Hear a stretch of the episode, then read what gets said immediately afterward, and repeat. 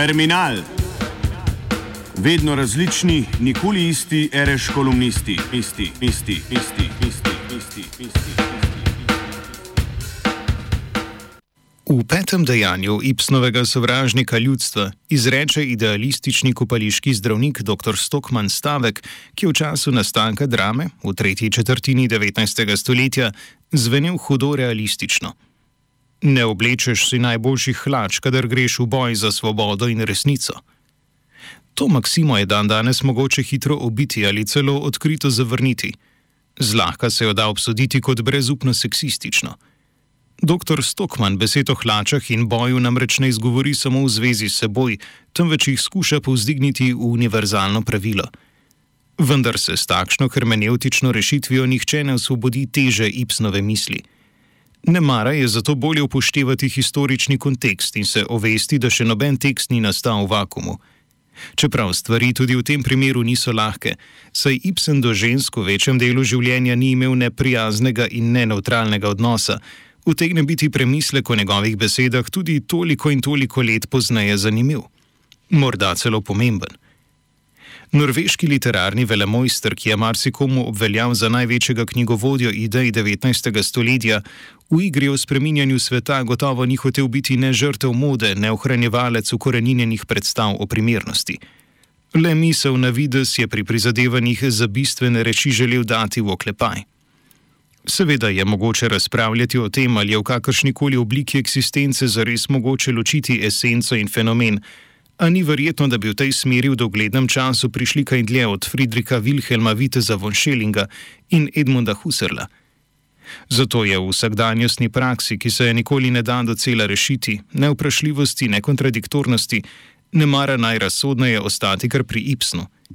Besede, ki jih je položil v usta dr. Stokmanu, dejansko niso tako zagonetne, da bi bilo za razglabljanje o njih potrebno porabiti pol življenja gre pravzaprav za upozorilo, da nobeno resno prizadevanje za spremembo česa ali kar vsega ni stvar izjemnosti, temveč vsakdanjosti, celo običajnosti. To ob opazovanju dan današnje stvarnosti poraja vrsto zanimivih vprašanj. Na slovenskem najprej v umetnosti. Nobena skrivnost namreč ni, da je slednja pri nas zelo uneta za spremembe, še posebej za politične, kritika tu in tam že kar naravnost oznanja, da se mora to pri presoji tega ali onega umetnostnega dosežka upoštevati kar najbolj normativistično. Če se ne, naj bi vsaj pri literaturi in teatru šlo le za estetsko igro. Tretje možnosti, da nimo slovstvene stvaritve kot osebne ekspresije, da sploh ni. In na prvi pogled se zdi, da se s tem pri nas sledi širšemu trendu.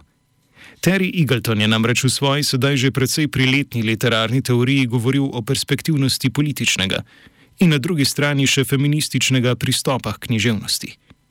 Sledilo mu je nič koliko trabantov na najrazličnejših povdnevnikih, ki so svoje študije o beletristiki začeli jedrnato oblagati s pojmi kot so produkcija, pozni kapitalizem, prek narodne korporacije, neoliberalizem in tako dalje in tako dalje. A na slovenskem so pri sledenju Eagletonovemu teoretiziranju vendarle zaznavne določene posebnosti. Medtem ko so v velikem svetu klic k političnosti razumeli v avantgardnem smislu in se v umetnostnem kriticizmu začeli soočati s problemi sodobnosti, naprimer s fosilnim kapitalizmom, klimatskimi tegobami in znosnim življenjem ne zgolj ljudi, so se pri nas protagonisti to vrstne post-postmodernosti le zavrteli v krogu prihodnost se trudijo skovati iz preteklosti. Nasproti neoliberalizmu v vsakdanjosti in esteticizmu v umetnosti postavljajo nekdanjost, ki jo je prvi podsu, drugi pa bi jo zasenčil, če bi se zares pojavila kot edina opozicija književni političnosti. In tega se zavedajo celo protagonisti uveljavljanja slednje kot kriterija v literarni ustvarjalnosti. Tako je pred nedavnim celo eden od pismovkov Ljubljanske univerze dejal svojemu znancu iz raziskovalnih vrst, da njun kolega, ki je začel hvaliti Stalinove nazore v literarnem inženirstvu duš, vendarle nekoliko pretirava. On sam, da je skozi in skozi levičar in kot tak prenese marsikaj, a to, da je le malce preveč. Treba, da je imeti pravo mero in ne zgolj plašiti ljudi. V politiki je strah pač dvorezen. Lahko zlomi vse moči more pa jih tudi prebuditi v odločnosti on stran vsakega računanja z okoliščinami. V docentski vlogi do dobra preizkušeni samorazglašeni levičar, ki je že do dobra navajen na somišljeniške zapostavitve, pa tudi na zavrnitve, gotovo ne zaradi svoje političnosti, kajti desničarskih kolegov z omembe vredno moči okoli njega preprosto ni, se seveda ni bal mišljenskega retro stila. Dialektičnih revolucij smo pri nas tako ali tako vajeni. Težave ni v njih, temveč le v besednjaku pravšnjosti.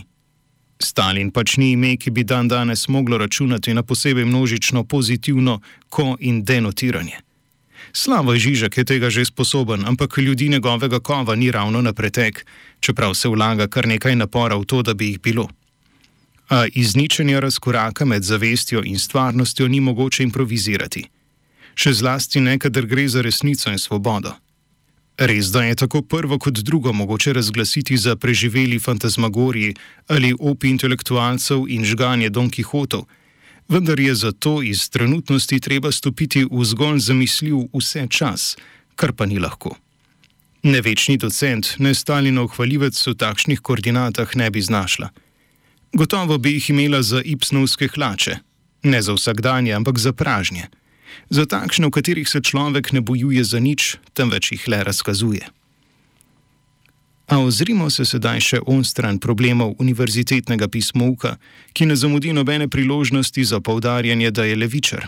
Kaj ti pri nas, v deželi sistema, te oznake ne dobiš zaradi udejanjanja emancipacijskih zamisli, temveč zaradi med ljudmi krožečega glasu in njegovega ustali na zazrtega kolega. Oba se vedeta tako, kot da je tehtnost in odmevnost njunih misli zagotovljena. Pa je res? Književnost, ki je zdaj celo že v šolski rabi razglašena za element literarnega sistema, dan danes v epohi podobe, ni ravno v ospredju pozornosti. Terja veliko časa, za premnoge preveč. In čim ožje ter bolj ekskluzivno in normirano bo njeno razumevanje, tem manj ljudi, tudi tistih, ki so jih zaradi svobode in resnice ali celo samo njunih senc in obrisov še zvesti, bo dosegla. Če tudi bo to za koga politično ustrezno, bo za karkoli nepomembno. Pražne hlače pri doseganju bistvenih ciljev pač ne igrajo odločilne vloge. Saj vsakdo lahko vidi, kako se godi z nuk dve. Imenitno opravljeni ljudje se zanj zauzemajo, tudi pronosniranih levičarjev med njimi ne manjka a prostor za knjige dan danes ni več niti gradbena jama, kakor je bil pred leti, je že parkirišče. Večinoma le za tiste v pražnih hlačah. Ljudje, ki gredo v kakršen koli boj, ga tako ali tako ne potrebujejo. Terminal je pripravil Igor Grdina.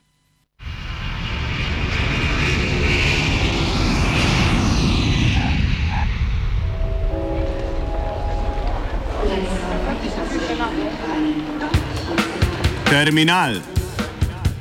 Vedno različni, nikoli isti, reš kolumnisti, isti, isti, isti, isti, isti, isti. isti.